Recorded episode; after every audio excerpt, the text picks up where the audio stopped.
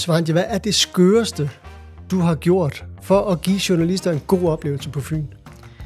Det var faktisk en overnatning på en prærievogn øh, nede i det sydfyns, øh, sydfynske, øh, uden øh, særlig meget komfort.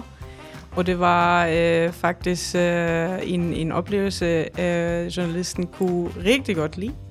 Og jeg var faktisk med til den tur, øh, fordi man kan kun styre den hestevogn med to personer. Og han kom alene sammen med sin hund, og så har jeg spurgt, om han øh, har noget imod, at jeg kommer bare med, og ordene er der også der. Og så var det rigtig, rigtig sjovt at stå der.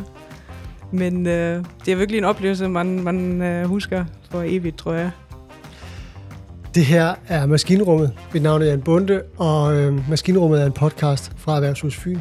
I dag skal vi tale om internationale PR opgaver for at få, kan man sige, flere turister til Fyn. Og derfor har jeg Svante Nibut på besøg her i studiet. Svante, hun er, øh, har siddet med ansvaret for international PR i Destination Fyn, som er en del af Erhvervshus Fyn. Svante, hun er tysker, og vi skal siden fortælle hele historien om, hvordan det dog lykkedes hende at stå her lige pludselig, efter mange år i sit eget hjemland. Øhm, Svante er uddannet i øh, marketing- og kommunikationsbranchen og har været rigtig mange forskellige brancher, og turisme er faktisk nyt for dig, Svante. Men øh, det går jo meget godt, ja, må man sige. det er noget helt andet ting, jeg laver nu. Ja, der kan man bare se. Og det, vi skal tale om i dag her i den næste halve time, jamen det er jo det der med, hvad er det for et arbejde, du har? Hvad er det for øh, nogle opgaver, du har for at sikre, at vi får nogle journalister, nogle bloggere, nogle influencer til Fyn, så de kan fortælle det gode budskab ud i verden om, hvad det er for et ret godt sted, vi egentlig har her. Øh, vi skal også høre hele historien om, hvordan du havnede her i, øh, i Danmark. Den er også meget sjov. Uh, I hvert fald, når man, når man ikke selv har oplevet den. Det kan godt være, at du ikke synes, det var så sjovt, da det skete. Men sådan er det. Uh, så, så fordi, at vi nu har en tysker, som skal sælge det fynske budskab, så er det også lidt sjovt at høre, hvordan er vi så, hvis man ser på os udefra. Så den skal vi også omkring. Uh, så skal vi have nogle gode råd til de turistattraktioner, der er derude. Hvad gør man egentlig, når de internationale journalister kommer? Hvad skal der være styr på? Så det er nogenlunde det, vi skal nå, til inden for de næste 30 minutter. Velkommen til. Tak. Hvad laver du? Jamen, øh, som, som ansvarlig for PR-arbejde i Destination Fyn, øh, er det faktisk min opgave at tiltrække så mange journalister og interessante blogger øh, til Fyn som muligt. Og øh, det gør jeg både i samarbejde med vores øh, udlandske kontor fra Visit Danmark, også i egen regi. Um, for eksempel starter det uh, i marts måned med en, uh, i Tyskland med en slags konference eller en workshop, hvor jeg kommer til at møde med forskellige journalister og uh, blogger. Det uh, sker digitalt i forvejen, at man uh, laver nogle aftaler, uh, hvordan man mødes og uh, om man vil mødes, og det er sådan lidt uh, som en speed dating, kan man, kan man okay. sige. Så man sidder der og snakker i 15 minutter, Um, jeg får selvfølgelig nogle profiler i forvejen, uh, hvor jeg kan se, hvad journalister eller blogger er mest interesseret i, og så kan jeg matche det med vores behov og vores interesser, og så um, har man bare en short samtale og finder ud af, om man passer sammen, om man gerne vil samarbejde, og om det er uh, noget sympati. Og så aftaler man måske allerede en presserejse eller en bestemt dato, eller man laver en opfølgning efter. Det er meget forskelligt. Og øh, så har vi faktisk samarbejde med Visit Danmark øh, i øh, vores øh, udlandske markeder, øh, især med Tyskland og Holland arbejder vi stærkt sammen med, men i år faktisk også med Italien og Frankrig. Mm-hmm. Øhm, hvor vi øh, i oktober-november normalt har så en presseworkshop, hvor vi har også så en slags speed dating med de forskellige kolleger, hvor man taler om de øh, nye udviklinger på, øh, i destinationen. Øh, hvad kommer der noget nyt altså, hvad, hvad, hvad er det nu, øh, som, som kommer som nye ting, øh, og øh, hvordan de tendenser og udviklinger øh, er i de forskellige lande, og så øh, kommer de øh, på et tidspunkt om året og pitcher også, journalistrejser til mig med et bestemt emne, hvor jeg mest gang siger ja til, øh, men det er faktisk også nogle, hvor man siger bare, nej, det passer ikke rigtigt til, til det, hvad vi laver. Så jeg skal forstå det sådan på dig, at, at når du har været til messe i Tyskland mm-hmm. øh, i marts måned, så har du egentlig en stor del af det arbejde, du skal lave resten af året, det er sådan ligesom lagt ud efter den messe, fordi du har mødt nogle af de mennesker, som du gerne vil trække op? Det kan man godt sige. Altså, nu har jeg, jeg startet i Destination i november 21, og så var min første, første øh, oplevelse var faktisk den presseworkshop med VDK, øh, Visit Danmark. Ja. Øhm, i november, og så tog jeg til Berlin i marts øh, 22, og har haft, jeg tror, det var 28 samtaler med forskellige journalister og bloggere. Det var, det var faktisk meget sjovt, fordi der har jeg ikke rigtig vidst, hvor mange kan jeg egentlig invitere, og hvad, hvad, hvad bliver det til, og kommer, kommer der noget ud af. Um, men jeg har inviteret nogle af dem, jeg har mødt der, allerede på messen, fordi jeg har faktisk også ham her, som jeg har overnatte på, på hestevognen. Mm-hmm. Uh, fordi jeg har lige bemærket, det er de helt rigtige til, til at invitere. Um, og så egentlig er det sådan, at man, man, man får en rigtig, rigtig god liste med navne, som man, øh, som man kan øh, invitere. Jeg har faktisk aftaler for næste år allerede fra øh, messen her i 23, så jeg behøver faktisk ikke at køre til Berlin næste år. Fantastisk. Ja. Men det, der jo er formålet, det er jo så at, få, at, få, at finde de rigtige i forhold til øh, nogen, som gerne vil skrive om turisme og i almindelighed og Fyn i særdeleshed øh, og som har nogle interesser, eller som arbejder inden for nogle emner af det, som, som vi på Fyn synes er spændende. Det er rigtig forstået, ikke? Øh, både, både og, altså de, de er, øh, de, de fleste journalister og bloggere, de, de har nogle, nogle særlige specielle interesser i, i outdoor, eller de lever noget omkring cykling, eller de er, har fokuseret sig på mad og drik, og altså gastroderen, mm-hmm. så øh, kan man godt sige. Men øh, jeg prøver jo at sælge Fyn som, som helhed og mangfoldigheden af øen, så jeg prøver faktisk også at pitche det, hvad vi kan ellers. Så hvis jeg har for eksempel en, som er særlig interesseret i gastrooplevelser, så prøver jeg at, at kombinere det med nogle outdoor-oplevelser på cykel for eksempel. Så siger jeg, mhm. okay, kan du, kan, du, kan du forestille dig at tage, tage en rejse til Fyn, hvor du oplever alle de forskellige gastrosteder på cykel? Og de fleste siger ja til det, fordi de er glade for, for nogle bud og uh, for nogle idéer, og uh, de fleste er meget, meget spændt på, hvad, hvad Fyn, Fyn kan gøre for dem. Så det er ikke og nu laver jeg sådan en gåseøjne her i, i, i luften, det er ikke kun et spørgsmål om at fortælle dem om H.C. Andersen og Egeskov, som vel er de to største øh, attraktioner, vi har. Nej, overhovedet ikke. Um, det er faktisk, altså Hans Christian Andersen er faktisk, øh, det vil fungere rigtig, rigtig godt i Tyskland, fordi han er super kendt. Jeg er selv opvokset med hans øh, historier og eventyr.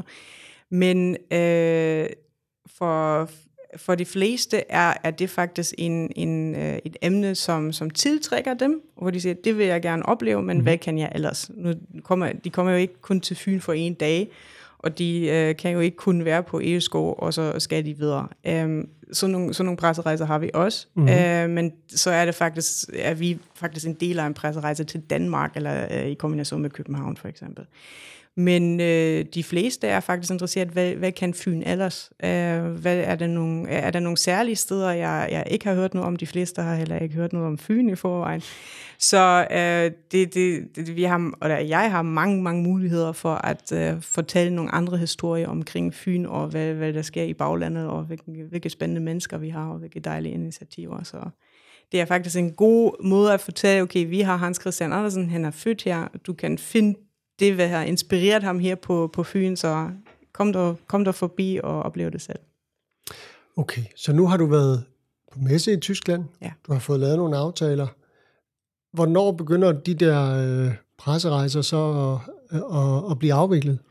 Altså, arbejdet med presserejser starter umiddelbart efter. Så laver man en opfølgning, så mødes man måske på telefon eller på Teams, og så snakker man det igennem, så laver man nogle aftaler, og de første presserejser i år har jeg faktisk haft i februar, allerede før marsen. Ja. Øh, men man kan godt sige, at det starter i april, og øh, så er det maj-juni, hvor der er højt sæson, og det er jo også den smukkeste tid for at, at mhm. rejse til Fyn med, med alle de blomster og, og altså, syrenerne. Ja, syrenerne ja. selvfølgelig. Det, det, det, det kan bare noget på, på billeder.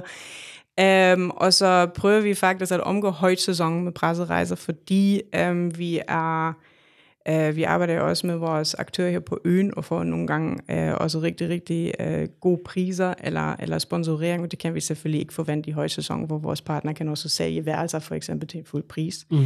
Uh, og så har vi efterårssæson, uh, kan man godt sige, fra sin, sidst i august, september, oktober, og så er der sådan lidt vinterpause igen, hvor man, hvor man samler igen, men uh, det er faktisk de, de måneder, hvor, hvor det sker noget med presserejser, og det er rigtig, rigtig meget. Hvordan er så vægtningen i forhold til, at der kommer en blogger eller en journalist, der siger, jeg vil gerne skrive om det her, jeg vil gerne opleve det her, og så den vægtning, der som, som siger, øh, at du som Svante siger, jeg vil gerne have, at du skriver om det her, eller du oplever det her. Altså, hvordan, hvordan får du det til at gå op? Ah, det, det er bare en, en, en normal samtale, man har. Altså, så, så hvis, hvis der kommer for eksempel en, nu er Hans Christian Andersen et rigtig godt eksempel, øhm, øh, der kommer måske en journalist, som har en, en, en artikel, han har allerede, øh, han fik allerede godkendt fra en magasin, og siger, jeg skal komme til øen og skrive noget om Hans Christian Andersen og hans liv og hans værk og øh, de forskellige slotte, han, han har øh, været på besøg til. Øhm, så, så kan jeg sige, okay, det, det er rigtig fint, men vi har faktisk en rigtig, rigtig dejlig produkt her um, omkring out, outdoor-liv. Det er Herregårdsruten, som bliver indvidet i sidste år. Og uh, kunne du faktisk tænke dig at bruge din historie sammensat med, med en oplevelse på Herregårdsruten, og så mm. tage rundt på cyklen og uh, skrive lidt om det. Så det er sådan lidt uh, win-win situation, man, man prøver at få uh, med journalisten, og de, de, de fleste er glade for det at man kommer med noget, noget andet. Og ja. øhm, nu arbejder vi også med nogle frijournalister, som måske også finder to eller tre andre historier på øh, deres vej omkring øh, noget, noget andre emner. Så de kommer måske med, med en vinkel, men får to andre for de næste to historier, de, de kan sige. Ja, og der er vel den forskel, at, at øh, bloggere er sådan i højere grad købt og betalt, hvor freelance-journalister, de, de arbejder under presseloven, og derfor så... Lige præcis. Ja, så ved man ikke helt, hvad de, hvad de får ud af det, når de kommer hjem. Hvordan, hvordan ved vi, at, at det her virker?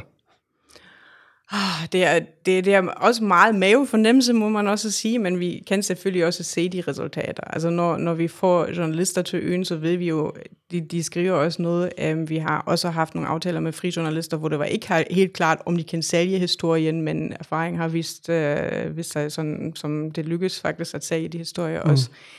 Uh, med blogger er det selvfølgelig nemmere at skabe, skabe en program, som, som svarer til det, hvad vi gerne vil transportere som budskab. Mm.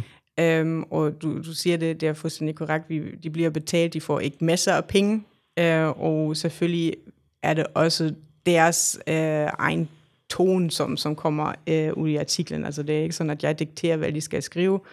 Uh, jeg aftaler programmet, så det matcher også deres behov og deres karakter. Um, det skal jo også passe til dem. Um, og så, så glæder jeg mig bare over alle de resultater, som, som kommer ud af det. Og hvor, hvor, øh, hvor mange presserejser arrangerer du i løbet af sådan et, et år?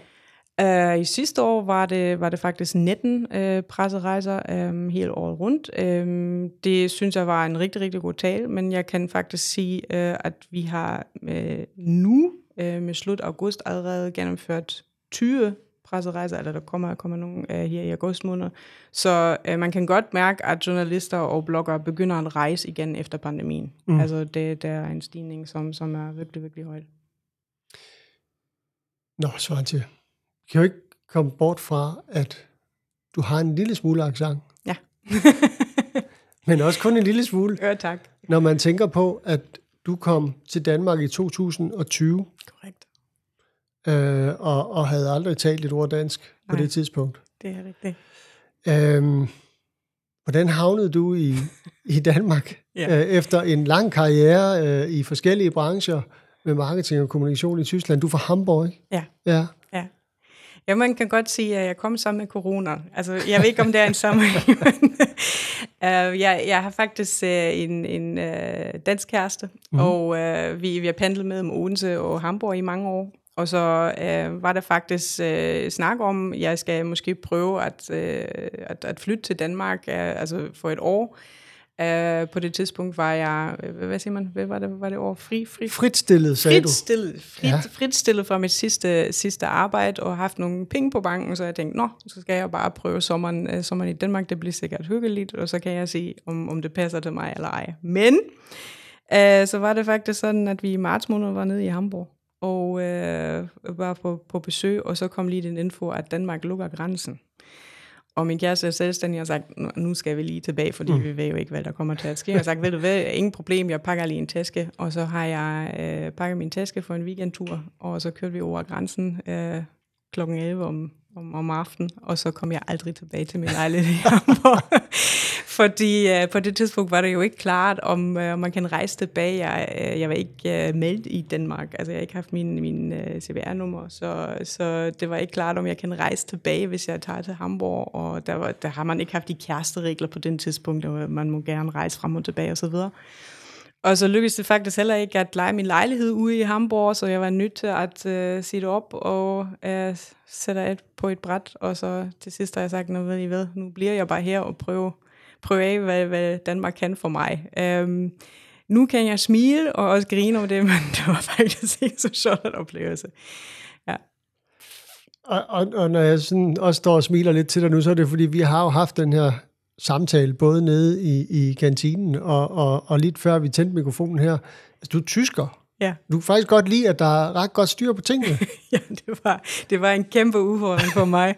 og øh, altså, jeg var virkelig nødt til at komme ud af min komfortzone, som, som jeg nu kan sige var rigtig, rigtig sund for mig, og mm. rigtig vigtig for mig. Um, men øh, jeg har nogle, nogle egenskaber, som er særligt tysk, øh, og det er faktisk, ting skal, der, der skal være styr på ting, og det skal alt være i orden, og og så videre og så videre, og planlægt, og det, jeg var nødt til at, at agere meget, meget spontant her øh, i, i 2020, så det var virkelig en udfordring, både mental, mentalt, men, men altså, det lykkedes jo, så nu er jeg her, og jeg er glad. Det er det vigtigste. Hvordan, altså, hvor langt gik der fra, at du så marts 20 øh, kommer over, kan man sige, den danske grænse, og så til du egentlig føler, at nu er du så godt klædt på, øh, sprogligt, så du kan gå ud og søge et job i Danmark? Når man, når man flytter til Danmark, får man et tilbud øh, til at besøge sprogskolen. Og øh, der er også nogle, nogle eksamen, man skal tage. Og så har jeg faktisk sagt, okay, jeg vil fokusere mig på at lære sprog. Og mm. vi, har, vi taler også dansk derhjemme. Det hjælper selvfølgelig også med, med fremskridtet. Øhm, så har jeg faktisk fokuseret mig komplet på, på mit sprog, og så var jeg færdig med sprogskolen øh, i... Oh, hvornår var det? Det var faktisk december 21, men jeg har allerede søgt for forskellige jobs her fra, fra sommer 2021. Øh, så øhm, jeg var tænkt, hvorfor ikke? Og hvis det er, kan jeg måske også tale engelsk, hvis det er. Men øhm, ja. Det var... og, og du bliver ansat her i november 21? Det er korrekt, ja. ja. Men din profil er jo også fantastisk. Altså, du kommer med... Det, Tyskland er det største marked, som, som ja. rent turistmæssigt arbejder mod. Der har du al ekspertisen. Ja. Øh, og, og, og det gik jo hurtigt med at lære dansk. Jeg var, jeg var faktisk glad for, at jeg kan bruge min, min faglige ekspertise, øh, ekspertise her i, øh, på jobbet, fordi øh, jeg har ikke så meget erfaring med branchen, og turismebranchen, men øh, jeg, jeg har erfaring med PR-arbejde og kommunikation og marketingdelen, så så det var faktisk noget, som har også givet mig meget selvtillid, at, øh, at jeg kan faktisk leve op til, til de forventninger her. Og øh, jeg kan rigtig godt lide at arbejde på et dansk team, som hjælper selvfølgelig også, fordi jeg skal jo klare mig hver, i hverdagen, men jeg mm. kan stadig bruge mit tysk øh, i hverdagen også, og det er rigtig dejligt. Når man er i maskinrummet, så har man en ting med. og du har taget to ting med, og ja. det, det er vi lidt i, øh, altså det, det er meget godt at få det på, på bordet nu, fordi det ene er jo en app. Ja. Altså en digital ting, Svante. Ja, en digital ting. Uh, det, det, det er en app, det, det hedder Lemmer, og det er faktisk en udvikling fra ordbogen, og uden det vil jeg ikke overleve i hverdagen, fordi den bruger jeg virkelig dagligt uh, til at oversætte nogle ting. Altså den oversætter fra tysk, dansk og omvendt. Det er bare nogle, nogle begriver nogle gange, men man, også hvordan uh, man deklinerer de forskellige verber. Så det, det hjælper faktisk rigtig, rigtig meget også med ordforrådet og så videre. Du viste mig lige, at, at så får man ugens ord. Ja. Og, og, og ugens ord lige nu var fransk, franskbrødshår. Ja, men jeg har, ikke, jeg har faktisk ikke læst, hvad, hvad, det, hvad det betyder endnu. Hvad, kan, kan du fortælle mig, hvad det Jamen, er? Jeg tror, det er sådan en, en, øh, altså en, en frisyr, som, som øh, kvinder i 50'erne øh, og 60'erne havde, hvor man Altså, det var sådan en meget høj frisyr, hvor man havde noget, ja. sådan, der lignede et franskbrød sat ind, og så satte håret op. Altså bare æder med med sofistikeret øh, udtryk, og jeg, jeg, jeg kan ikke forestille mig en situation, øh, i din hverdag, hvor du skal bruge det ord. Man men, ved jo men, øh, aldrig. Man ved jo aldrig. men det er da vigtigt at vide, det er de, de, vigtige ting, man lærer med, med den app der, kan du sige. ja, det må, man, det må man sige. Nå, men du har jo en ting mere med. Ja. Hvad er det? Det er en uh, kuglepind. Uh, det er faktisk en gave fra en, uh, fra en tidligere samarbejdspartner i Tyskland med min, mit navn indgraveret, og den brugte jeg, og jeg bruger jeg i hverdagen, fordi det er også typisk tysk jeg skriver alle tingene ned, og ikke på computeren, fordi jeg kan bedre huske det, når jeg skriver det med hånden. Så du er storforbruger af papir og pen? Og, øh, Desværre. Det, det svarer ikke rigtigt til vores bæredygtige strategi, men jeg arbejder på det. Jeg arbejder på det. Jeg skriver i uh, små bogstaver, så jeg bruger ikke så meget papir. Det er faktisk mine notiser, de, de, uh, det, det skriver jeg ned med hånden. Og så er det faktisk, jeg bruger det næsten aldrig igen, fordi så kan jeg huske det, men hvis mm. jeg tester det på tastatur, fungerer det ikke så godt. Altså, hvis jeg skal være helt ærlig, så gør jeg jo også det. Nå, Fordi jeg er jo også Det er jeg er gammel. Altså, jeg er meget ældre, end du er. og jeg har jo lært som journalist at bruge den her øh, teknik, kan man sige, i rigtig Ja. mange år. Og folk kigger også mærkeligt på mig. Ja. Og, synes, og jeg har for eksempel også en papkalender. Øh, altså en papirskalender, så, så den bruger jeg flere gange om dagen.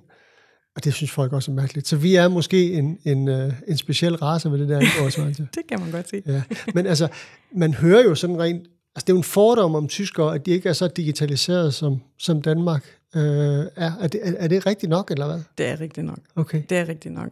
Um, det er ikke sådan, at, at folk ikke gerne vil være digitalt, men det er faktisk den infrastruktur, som, som uh, giver mulighed til det. Og jeg, jeg er faktisk, uh, i starten var jeg også lidt udfordret uh, uh, med det, mm. men jeg kunne faktisk også se den, den forskel um, uh, med, med afviklingen af, pandemien. Altså, hvor nemt det var at registrere og med appen og så videre og så videre, eller for at få en prøvetid og alt muligt. Uh, og hvor besværligt det var for min familie og mine venner i Tyskland. Så jeg er meget glad for, for den digitale verden her i Danmark, og jeg kan ikke forestille mig at have det anderledes igen, faktisk. Fantastisk. Nu fik vi i hvert fald sådan lige øh, placeret dig. Øh, du bor jo i Katteminde nu, ja, ude til vandet, for Ja. alt den gode outdoor. Øh. det var vigtigt for mig, Ja, ja, faktisk. Når, ja. når man flytter fra Hamburg, så skal man også fandme bo ved vandet. Det forstår jeg godt. Øhm, men man kan sige rent fagligt, så giver det jo også dig en, synes jeg, ret fantastisk øhm, fordel, når du skal sælge Fyn, for det er jo det, du skal til de her journalister og bloggere. Du har i hvert fald en mulighed for at se på Fyn sådan udefra. Hvad er det her egentlig for et sted? Vi andre, vi er jo sovset ind i det, i, i, fordi vi har boet her altid. Mm. Øhm, hvad, hvad er Fyn for et sted, når, når du sådan skal tage de faglige briller på og, og, og sælge det som, som turistdestination? Altså det var, øh, det var for mig også en ny destination. Jeg var heller ikke særlig bekendt med Fyn, før jeg flyttede hertil, selvom jeg har haft en forbindelse til Danmark hele mit liv. Um, så det, hvad, hvad jeg prøver at uh, sige til, til Danmark, at det er, hvad jeg selv oplever her, nemlig at det er en særligt sted, uh, hvor man virkelig får en dansk oplevelse deluxe, kalder jeg det. uh, det er mangfoldigheden af øen, fordi når man som tysker for eksempel, tænker på, på Danmark, så tænker man på, på nogle hyggelige gader og stokroser og have og dejlige strande og, mm. og lækker mad og god øl. Og, ja, det er jo god øl måske ikke.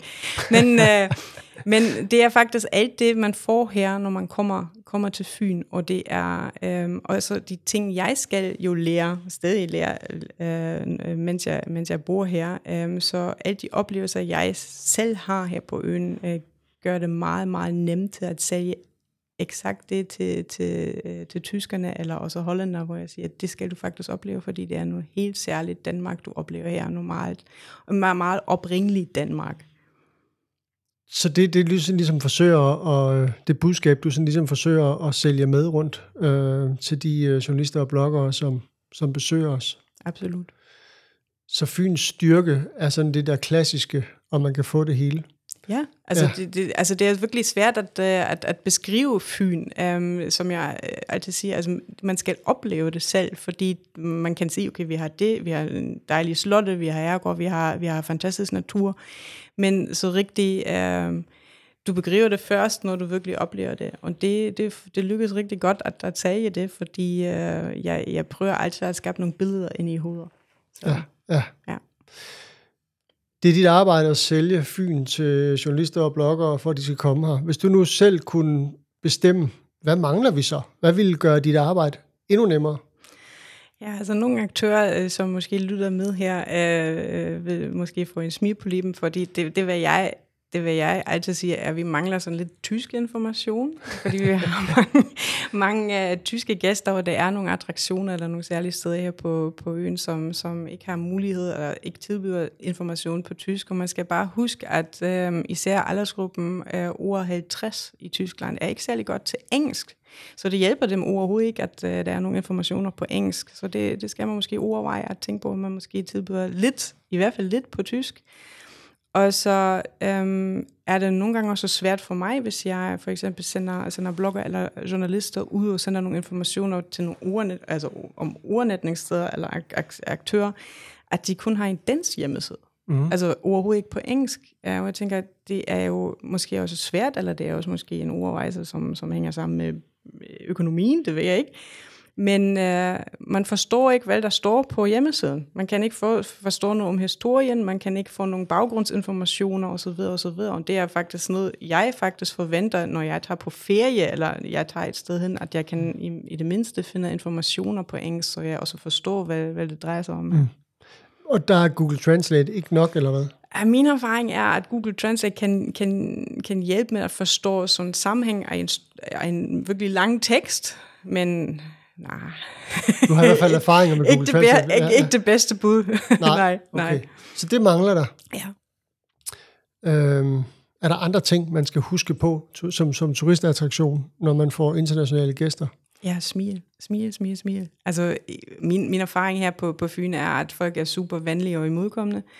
Men øh, jeg kan også mærke, at især i gastronomibranchen, hvor de som er også lidt presset for tiden, som, øh, hvor der arbejder mange, mange unge mennesker, at man øh, kan måske godt finde ud af at give dem sådan en lille klaps på, på skulderen og sige, her, smil lige øh, mm. til dem der, og bare, bare være, være imodkommende og, og øh, også tålmodig. Øh, fordi folk kan måske ikke klare sig så godt på engelsk eller, eller noget. Bare være tålmodig og, og smile. Det er i hvert fald et godt råd, kan man sige. Svante, du er kommet til Danmark nu. Du har været her i de her tre år. Øhm, hvad kan du allerbedst lide ved at være her? Oh. Soft ice. Nej, nej. det kan man vel også ja, få i Tyskland? Ja, det kan man, men det smager ikke så godt. Nå, det smager ikke så godt. Der kan man bare se. Jeg kan, jeg kan bedst lide uh, den, den måde uh, at uh, den måde at leve. Uh, det, det er man faktisk, eller er man måske ikke så bevidst om som dansker, hvor godt det egentlig er, og hvor mm. godt det egentlig har det. Uh, hverdagen er meget afslappende her. Um, og selvom at jeg hører folk, som siger, jeg er sindssygt presset for tiden, så tænker jeg, ah, det er du egentlig så skal du, skal du måske opleve det i Tyskland. Altså det, det, det, det er bare den, den, den, uh, den gode balance med, mellem arbejde og fritid. Det kan jeg rigtig godt lide, og at folk er så engageret. Det er virkelig noget, jeg, jeg Og det elsker. oplever man ikke i Tyskland, eller hvad? Ikke så meget, ikke, ikke i den omfang. Altså jeg, jeg synes faktisk, det er rigtig, rigtig dejligt, at I er så engageret som frivillig. Det var faktisk også en af de første ting, jeg har lavet. Jeg har meldt mig som frivillig i Kataminde Biografen, for at mm. lære folk at kende, men også for at komme ud af min komfortzone, som ja, sagt. Ja. Vi har en masse af foreninger i Tyskland, hvor der er også folk, som engagerer sig der, men det er ikke den typiske kultur, at man giver noget tilbage til samfundet. Vi er, vi er lidt, lidt mere egoistiske. Ja. Og det tænker du, at, at, at det der foreningsliv er noget, som, som gør, at Danmark bliver noget, noget særligt? Absolut. Absolut, fordi jeg, jeg har ikke uh, mødt nogle mennesker, som ikke er engageret på den ene eller anden måde, og jeg synes, det er faktisk dejligt, fordi det, det betyder faktisk, at man gør noget for andre, og det er uh, noget, som, som, uh, som er noget helt specielt, synes jeg. Så du bliver her? Måske. I hvert fald for nu. Uh, jeg fortæller jo i forvejen, jeg kunne, jeg kunne ikke forestille mig at arbejde i Tyskland lige nu, efter de oplevelser, jeg har haft her på arbejdspladsen. Jeg kan rigtig godt lide den kultur her. Det kan selvfølgelig være, at det er kun på erhvervshuset, men øh, det, det kan jeg rigtig godt lide. Jeg ved ikke, om jeg, øh, om jeg bruger helt mit liv her i Danmark, men for nu, altså min plan er at blive her lidt længere her. Altså i sig selv er det jo en ret god øh, anbefaling at give til øh, også turister, kan man sige, og, og bloggere og journalister, at du selv godt kan lide at være her. Ja, altså øh, det, det, det, har, det har virkelig været en, en, en, en, en, hvad siger man, en udfordring øh, med en udvandring, så en, som ikke var planlagt på den måde i hvert fald. Men øh, det er en rigtig god chance, man også får, og det er, man, man får bare en helt anden blikvinkel på tingene. Altså, og det er en stor anbefaling herfra her. Svante, tiden er ved at være gået. Sådan er det jo, når man er i godt selskab. Nå. Øhm, vi startede med, jeg startede med at spørge dig om, hvad er det skørste, du har foretaget, for ligesom at hjælpe nogle journalister til at få en god oplevelse. hvad, hvad, hvad er det skørste, du kunne forestille dig lige nu at, at foretage dig? For jeg ved, du har nogle idéer. jeg har mange idéer. Øh, og øh, det næste, øh, det kommer til at ske, er et bloggerpar som der på Broholm Slot, som er jo en oplevelse i sig selv, mm. men mhm. de skal ikke bare ordene der, de skal på spøgelsesjagt øh, okay. om natten. Øh, og øh, prøve at finde den grå dame. Øh, og det må de meget gerne gøre op. Jeg ved ikke, om du har været deroppe, men under det har de en dukkesamling, som er lidt, øh, det er lidt uhyggeligt at være der, deroppe allerede øh, om dagen, så det bliver spændende, hvad de kommer til at fortælle, men de glæder sig allerede rigtig meget til det. Så spøgelsesjagt på Broholm Ja. som turistattraktion. Ja, det, ved ikke, om det bliver en turistattraktion, men det er bare den oplevelse, og det er en speciel vinkel, de skal faktisk huske Broholm, når de tager hjem, og det kommer de sikkert til. Tak for besøget, Svante, og held og lykke med at trække en masse journalister og bloggere til Fyn, så de kan sprede det gode budskab. Du har lyttet til Maskinrummet, en podcast fra Erhvervshus Fyn. Du finder os på de gængse kanaler, hvor du plejer at finde dine podcasts, og vi udkommer cirka hver 14. dag. I mellemtiden så kan du følge os på LinkedIn, og du kan tilmelde dig vores nyhedsbrev.